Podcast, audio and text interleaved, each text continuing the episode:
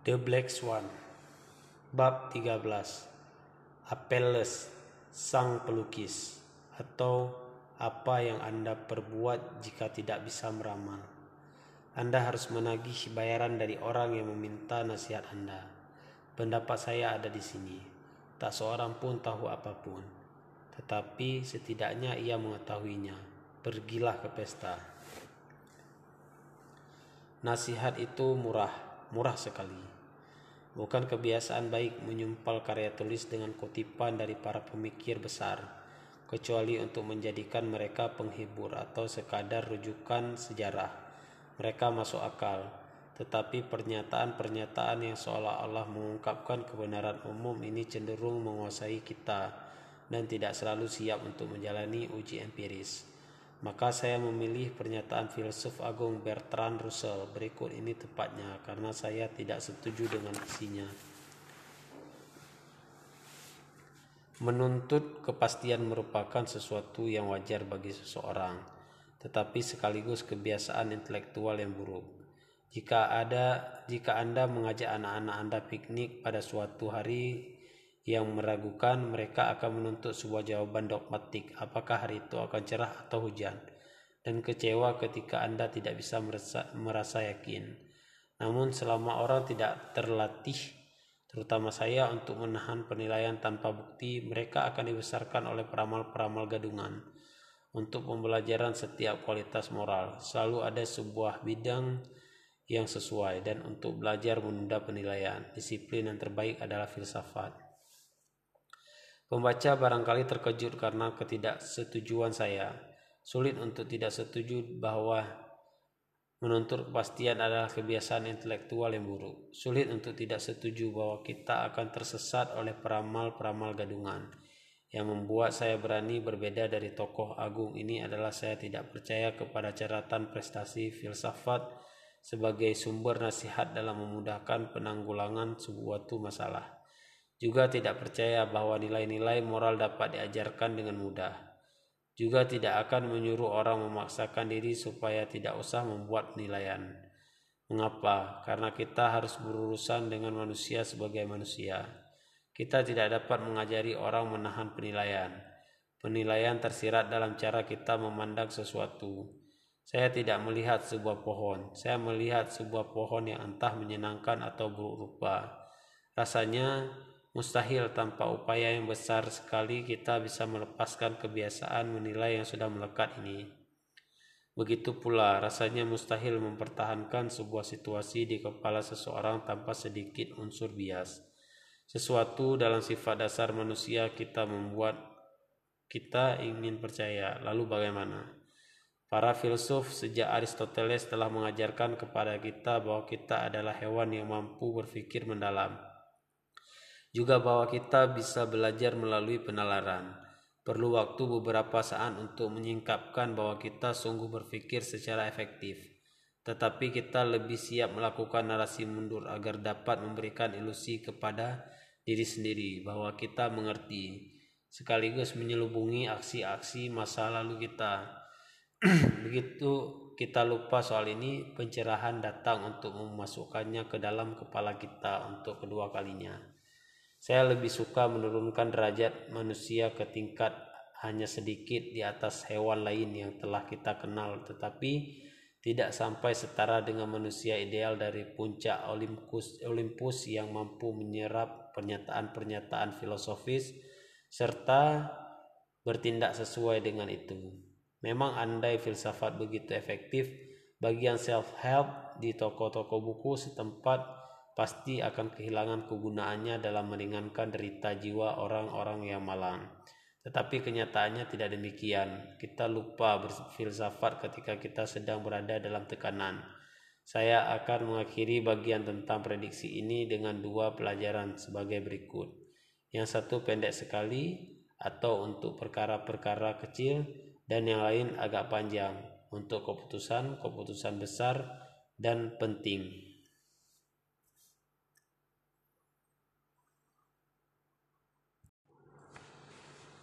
Menjadi orang bodoh di tempat yang tepat. Pelajaran untuk perkara-perkara kecil adalah jadilah manusia. Terimalah bahwa man menjadi manusia berarti menyertakan arogansi epistemik sekadarnya dalam menangani urusan Anda. Jangan malu karena itu. Jangan mencoba untuk selalu menahan penilaian. Mengeluarkan pandangan adalah kebutuhan hidup. Jangan mencoba menghindari prediksi. Ya, sesudah menyajikan kritik keras terhadap prediksi, saya tidak memaksa anda berhenti jadi orang bodoh. Hanya saja jadilah orang bodoh di tempat yang tepat. Yang seharusnya Anda hindari adalah ketergantungan tak perlu pada prediksi-prediksi skala besar yang berbahaya. Itu dan hanya itu. Hindari masalah-masalah besar yang, yang berpeluang merusak masa menetap Anda. Jadilah orang bodoh dalam perkara-perkara kecil, bukan dalam perkara-perkara besar. Jangan hiraukan perakiraan-perakiraan ekonomi atau peramal-peramal dalam bidang ilmu sosial. Mereka cuma para penghibur. Tetapi buatlah ramalan Anda sendiri untuk piknik. Dengan segala cara, tuntutlah kepastian untuk piknik Anda yang berikutnya. Tetapi jangan hiraukan ramalan keamanan sosial pemerintah untuk tahun 2040. Cari tahu cara memeringkat kepercayaan bukan berdasarkan tingkat kemungkinannya, melainkan berdasarkan bahaya yang dapat ditimbulkannya.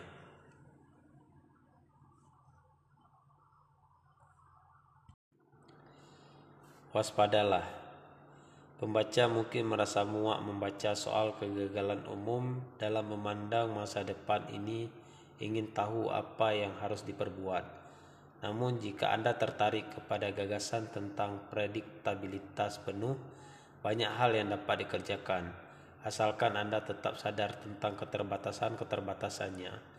Tahu bahwa Anda tidak dapat membuat prediksi bukan berarti Anda tidak dapat mengambil manfaat dari kondisi tidak dapat diprediksi. Kesimpulan kita, waspadalah Prediksi berlandaskan pemikiran dangkal, mempunyai efek analgesik atau penyembuhan. Waspadalah terhadap efek pemati rasa dari angka-angka ajaibnya. Waspadalah terhadap semua hasil akhir yang mungkin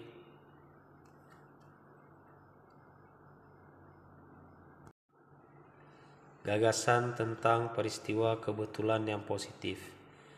Ingat, para pendukung empirisisme, para anggota aliran pengobatan empiris Yunani. Mereka berpendapat bahwa Anda seharusnya berpikiran terbuka dalam diagnosis-diagnosis medik Anda untuk memungkinkan nasib baik berperan. Karena mujur, seorang pasien mungkin menjadi sembuh, misalnya dengan menyantap sejenis makanan yang secara kebetulan ternyata merupakan penyembuh penyakitnya maka selanjutnya perlakuan tersebut dapat digunakan pada pasien-pasien lain. Peristiwa kebetulan yang positif ini, seperti obat hipertensi dengan efek samping menguntungkan sehingga belakangan dikembangkan menjadi Viagra, adalah metode empiris yang mendasari temuan medik pada umumnya. Hal yang sama ini dapat digeneralisasi untuk masalah-masalah dalam hidup. Maksimumkan kebetulan-kebetulan yang bermanfaat di sekitar Anda. Sectus Empiricus menceritakan kembali kepada kita kisah tentang Apelles sang pelukis yang ketika sedang melukis seekor kuda berusaha menggambarkan busa yang lazim keluar dari mulut kuda. Sesudah berusaha sangat keras tetapi tanpa hasil ia menyerah dan saling kesal saking kesalnya ia mengambil spons untuk membersihkan kuas, kemudian melemparkannya ke lukisan itu. Entah bagaimana spons itu menyentuh lukisan di bagian yang menggambarkan mulut kuda dan bekas yang tertinggal dengan tepat menggambarkan busa di mulut kuda. Trial and error, menyiratkan coba-coba yang banyak.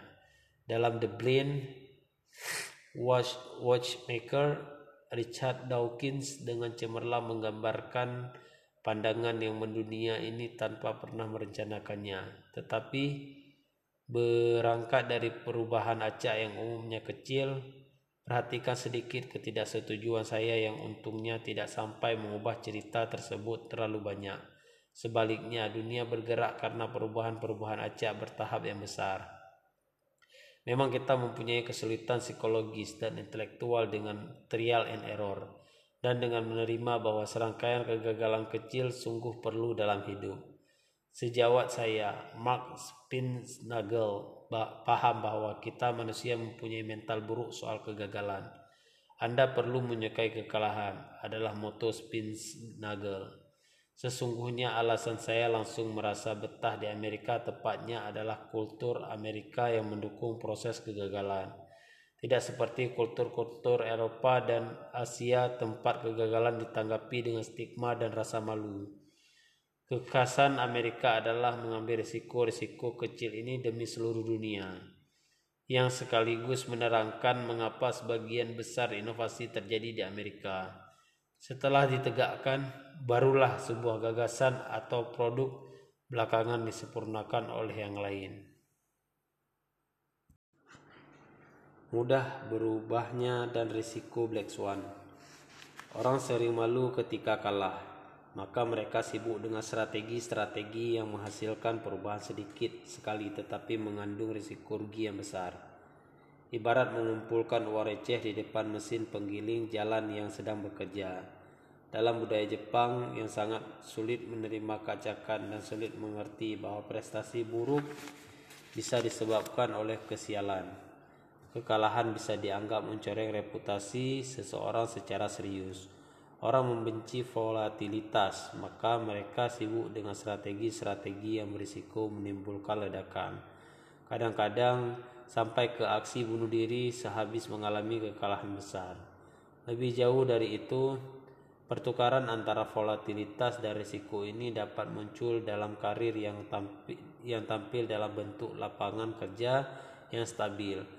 Misalnya pekerjaan di IBM sampai tahun 1990-an. Ketika terjadi pemutusan hubungan kerja, karyawannya menghadapi kehampaan total ia tidak cocok untuk pekerjaan lain apa pun. Hal yang sama berlaku untuk industri-industri yang dilindungi.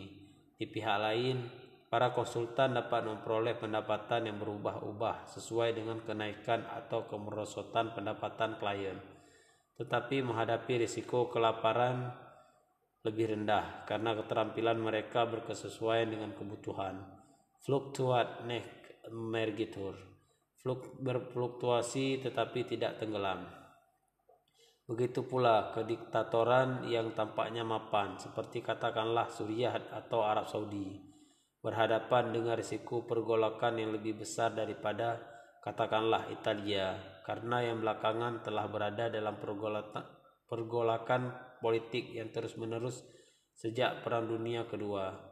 Saya mempelajari perkara ini dari industri keuangan di sana saya melihat para bengkir konservatif duduk di atas setumpuk dinamir tetapi membohongi diri karena kiprah mereka tampak mapan dan tidak memiliki volatilitas.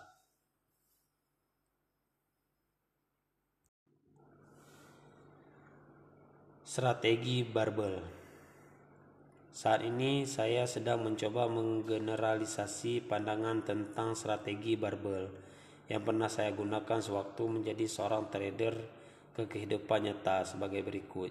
Jika Anda tahu bahwa Anda rentan terhadap kesalahan-kesalahan prediksi dan jika Anda menerima bahwa sebagian besar alat untuk alat ukur risiko tidak sempurna akibat black swan, strategi Anda adalah bersikap hiperkonservatif dan hiperagresif. Karena dalam hal ini Anda sedikit agresif atau sedikit konservatif. Alih-alih menempatkan uang Anda dalam investasi-investasi risiko sedang, bagaimana ya cara mengetahui bahwa risiko itu sedang? Dengan mendengarkan pakar-pakar mencari jabatan mapan.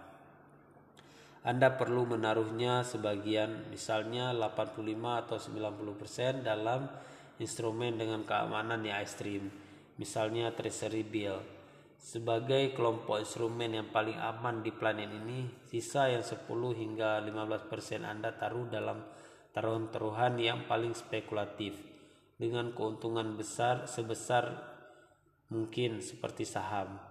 Sedapat mungkin portofolio ala modal Ventura dengan cara itu Anda tidak bergantung pada kesalahan-kesalahan akibat manajemen risiko yang meleset. Tak ada black swan yang dapat mencelakai Anda lebih dari batas karena telur Anda yang berharga berada dalam investasi dengan keamanan maksimal atau setara dengan itu. Anda dapat memiliki sebuah portofolio yang spekulatif, kemudian mengasuransikannya jika mungkin terhadap kerugian lebih dari 15% misalnya. Dalam hal ini, Anda menggunting risiko tak terhitung Anda, yakni bagian risiko yang bisa berbahaya bagi Anda. Alih-alih mengambil risiko sedang, Anda dapat Anda mengambil risiko tinggi di satu sisi dan tanpa risiko di sisi lain. Rata-ratanya akan sama dengan risiko sedang, tetapi sama dengan paparan yang positif terhadap Black Swan. Lebih teknisnya, ini dapat disebut sebagai kombinasi konveks. Mari kita lihat bagaimana ini dapat diterapkan dalam semua aspek kehidupan. Tak seorang pun tahu segalanya. Penulis skenario legendaris William Goldman konon pernah berseru, tak seorang pun tahu segalanya, terkait dengan prediksi tentang penjualan film. Sekarang, pembaca mungkin penasaran bagaimana orang sukses Goldman bisa tahu apa yang harus diperbuat tanpa membuat prediksi. Jawabannya terletak pada penguasaan logika bisnis di kepalanya ia tahu bahwa ia tidak dapat meramalkan kejadian satu demi satu. Tetapi ia sadar sekali bahwa yang tidak dapat diramalkan yakni perubahan sebuah film menjadi film laris akan sangat bermanfaat baginya. Maka pelajaran kedua lebih agresif. Anda bisa sungguh-sungguh mengambil manfaat dari masalah prediksi dan arogansi epistemik pada hakikatnya saya curiga bahwa sebagian besar bisnis sukses tepatnya adalah bila pelakunya tahu bagaimana mengatasi hal-hal yang memang tak dapat diramalkan, bahkan kemudian memanfaatkannya. Ingat diskusi saya tentang perusahaan bioteknologi dengan para manajer yang paham bahwa inti penelitian ada, ada dalam hal-hal yang tidak diketahui, yang tidak kita ketahui. The unknown unknown. Perhatikan pula cara mereka memenangi pertaruhan melalui tiket-tiket undian gratis di dunia. Berikut ini trik-trik sederhana itu. Namun perhatikan bahwa semakin sederhana semakin efektif trik-trik itu. Pertama, A. Pertama, buat sebuah pembedaan antara kontingensi positif dan kontingensi negatif. Belajarlah membedakan antara kegiatan yang tidak dapat diramalkan yang bisa atau telah terbukti bermanfaat dan kegiatan tanpa pemahaman tentang masa depannya yang bisa berbahaya. Ada black, black swan positif, ada pula black swan negatif. William Goldman terjun ke, ke dalam film sebuah bisnis black swan yang positif. Ketidakpastian di sini kadang-kadang memperoleh imbalannya. Bisnis black swan negatif adalah bisnis dengan hal yang hal tak terduga yang bisa menghantam dengan keras dan menimbulkan cedera parah. Jika Anda seorang tentara dalam bidang asuransi yang menanggung risiko bencana atau bertanggung jawab atas keamanan negara, Anda hanya berhadapan dengan hal-hal negatif. Begitu pula seperti dalam bab 7. Jika Anda dalam bidang perbankan dan pendanaan, dampak-dampak yang mengejutkan cenderung negatif bagi Anda. Ketika Anda meminjamkan uang, situasi terbaik yang akan Anda jumpai adalah Anda memperoleh kembali uang Anda. Tetapi Anda bisa kehilangan semua uang itu jika si peminjam kabur. Dalam peristiwa ketika si peminjam menikmati sukses besar dari uang Anda, kecuali kecil kemungkinan ia membayar lebih besar daripada seharusnya kepada Anda. Selain film, contoh bisnis Black Swan positif adalah beberapa segmen penerbitan, penelitian ilmiah, dan modal ventura. Dalam bisnis-bisnis ini, Anda kehilangan sedikit untuk mendapatkan keuntungan besar. Kerugian yang Anda derita per buku kecil dan dengan alasan yang sepenuhnya tidak dapat diduga. Buku mana pun bisa lari seperti pisang goreng. Aspek negatifnya kecil dan mudah dikendalikan. Tentu saja penerbit mempunyai masalah, yaitu harus secara teratur membuat buku, yang membuat aspek positifnya agak terbatas, sementara aspek negatifnya besar sekali. Jika Anda mengeluarkan 10 juta dolar untuk sebuah buku, Black Swan Anda adalah buku itu tidak menjadi buku laris. Begitu pula, sementara teknologi dapat memberikan keuntungan sangat besar, membayar biaya promosi yang kelewat tinggi, seperti yang dahulu diperbuat orang saat wabah.com, dapat membuat aspek positifnya terbatas, sementara aspek negatifnya besar sekali. Adalah pemodal Ventura yang menanamkan modal di sebuah perusahaan spekulatif, kemudian menjual sahamnya kepada investor-investor kurang imajinatif yang bisa memperoleh manfaat dari Black Swan bukan seperti bukan investor-investor seperti saya juga. Dalam jenis-jenis usaha ini, Anda beruntung jika tidak tahu apa pun, khususnya jika orang lain pun tidak tahu tetapi tidak menyadarinya. Dan kinerja Anda paling baik jika Anda tahu di mana letak ketidaktahuan Anda. Jika Anda orang satu-satunya yang mencari buku-buku tidak populer, misalnya, ini sesuai dengan strategi barbel yang mengambil paparan maksimum ke Black Swan positif sambil tetap ketakutan setengah mati kepada Black Swan negatif. Karena paparan Anda ke Black Swan yang positif, Anda tidak perlu memiliki pemahaman yang tepat terhadap struktur ketidakpastian. Saya merasa sulit menerangkan bahwa ketika Anda mengalami rugi sedikit sekali, Anda harus agresif, spekulatif, dan kadang-kadang tidak masuk akal sebagaimana biasanya.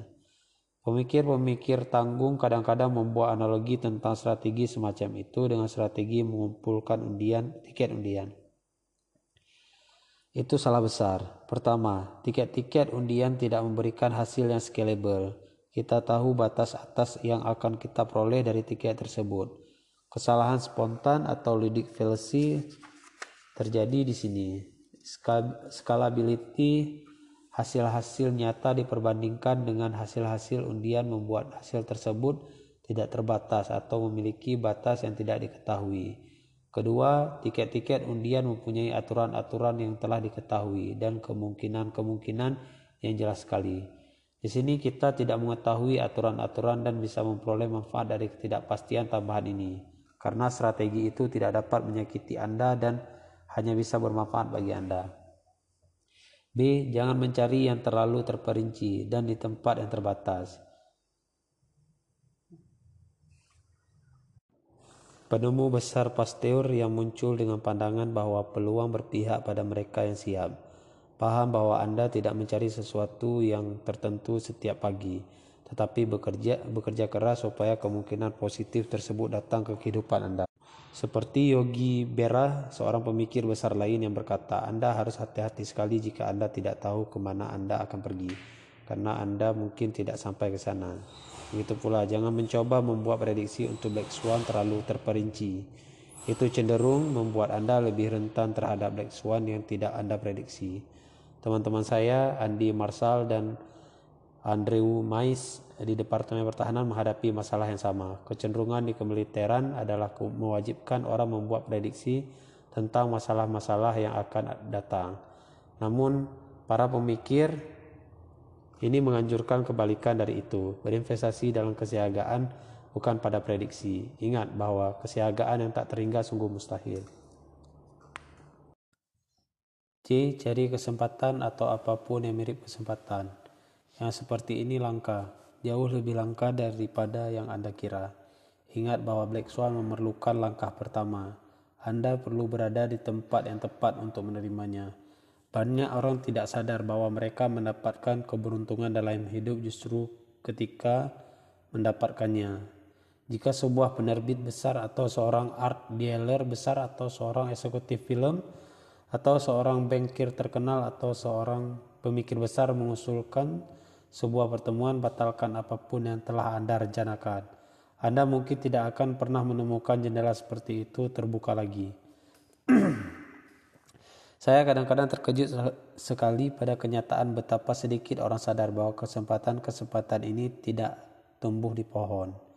Kumpulkan tiket yang bukan undian dengan hasil yang batas atasnya tidak terhingga sebanyak yang Anda mampu. Lalu, begitu hasilnya mulai tampak, jangan membuangnya. Bekerja keras bukan bekerja sambil mengomel, mengejar peluang macam itu dan memaksimalkan paparan terhadapnya. Ini membuat hidup di kota besar bernilai sangat tinggi karena Anda meningkatkan peluang bertemu dengan peristiwa kebetulan yang menguntungkan. Anda memperoleh paparan terhadap peristiwa kebetulan yang menguntungkan. Gagasan untuk tinggal di kota kecil berdasarkan pemikiran bahwa komunikasi di zaman internet sudah bagus memungkinkan kita menyingkirkan sumber-sumber ketidakpastian yang positif. Diplomat mengerti sekali perkara ini. Diskusi santai di pesta koktail biasanya mengantar ke terobosan-terobosan besar. Berbeda dengan surat menyurat atau percakapan telepon yang kering maka pergilah ke pesta. Apabila Anda seorang ilmuwan, tidak mustahil ada komentar seseorang yang mengilhami penelitian baru. Dan jika Anda autistik, kirim mitra-mitra kerja Anda ke acara semacam ini. D. Hati-hati dengan rencana tepat pemerintah. Sebagaimana dibahas dalam bab 10, biarlah pemerintah membuat ramalan-ramalan itu membuat para pejabat merasa lebih baik untuk diri sendiri dan untuk membenarkan eksistensi mereka, tetapi jangan terlalu serius dengan apa yang mereka ungkapkan. Ingat bahwa kepentingan para abdi masyarakat ini adalah mempertahankan hidup serta melanggengkan jabatan mereka, bukan mencari kebenaran. Itu bukan berarti pemerintah tidak berguna, cuman Anda perlu tetap waspada terhadap efek-efek samping mereka. Sebagai contoh, regulator-regulator dalam bisnis perbankan rentan terhadap masalah pakar yang parah dan mereka cenderung membolehkan pengambilan risiko yang ceroboh, tetapi tersembunyi. Andi Marsal dan Andi Mais bertanya kepada saya apakah sektor swasta bisa lebih baik dalam membuat prediksi. Sayangnya tidak. Sekali lagi ingat cerita tentang bank-bank yang menyembunyikan risiko-risiko eksplosif dalam portofolionya bukan gagasan yang bagus untuk mempercayai korporasi dalam perkara seperti kejadian-kejadian langka karena performa para eksekutif ini tidak dapat diamati dalam jangka pendek. Dan mereka akan mempermainkan sistem dengan menunjukkan performa yang bagus sehingga bisa memperoleh bonus tahunan. Titik lemah kapitalisme adalah jika Anda membuat perusahaan-perusahaan bersaing, kadang-kadang perusahaan yang paling sering terpapar black swan negatif justru tampak paling fit untuk bertahan hidup. Ingat pula catatan kaki pada temuan Ferguson dalam bab 1 bahwa pasar bukan prediktor yang baik untuk perang. Tidak seorang pun bisa menjadi peramal yang baik untuk apa pun. Maaf. E. Ada sebagian orang yang jika mereka belum tahu tidak dapat Anda beritahu. Seperti pernah dikatakan oleh filsuf besar untuk ketidakpastian, Yogi Berra. Jangan buang waktu Anda untuk mencoba melawan juru ramal, analis saham, ekonom, dan ilmuwan sosial, kecuali Anda ingin bercanda dengan mereka. Mereka mudah sekali dijadikan objek candaan dan banyak yang langsung menjadi marah. Mengomel tentang tak dapat diprediksi itu tidak efektif. Orang akan terus dengan konyol membuat prediksi, terutama jika mereka dibayar untuk melakukannya dan Anda tidak mungkin mengakhiri kekonyolan yang telah dilembagakan ini. Jika Anda harus menyimak sebuah perakiraan, camkan bahwa ketelitiannya menurun dengan cepat sejalan dengan waktu. Jika Anda mendengar seorang ekonom tersohor menggunakan kata keseimbangan atau distribusi normal, jangan berbantah dengannya. Abaikan saja atau cobalah masukkan seekor tikus kecil ke dalam kemejanya.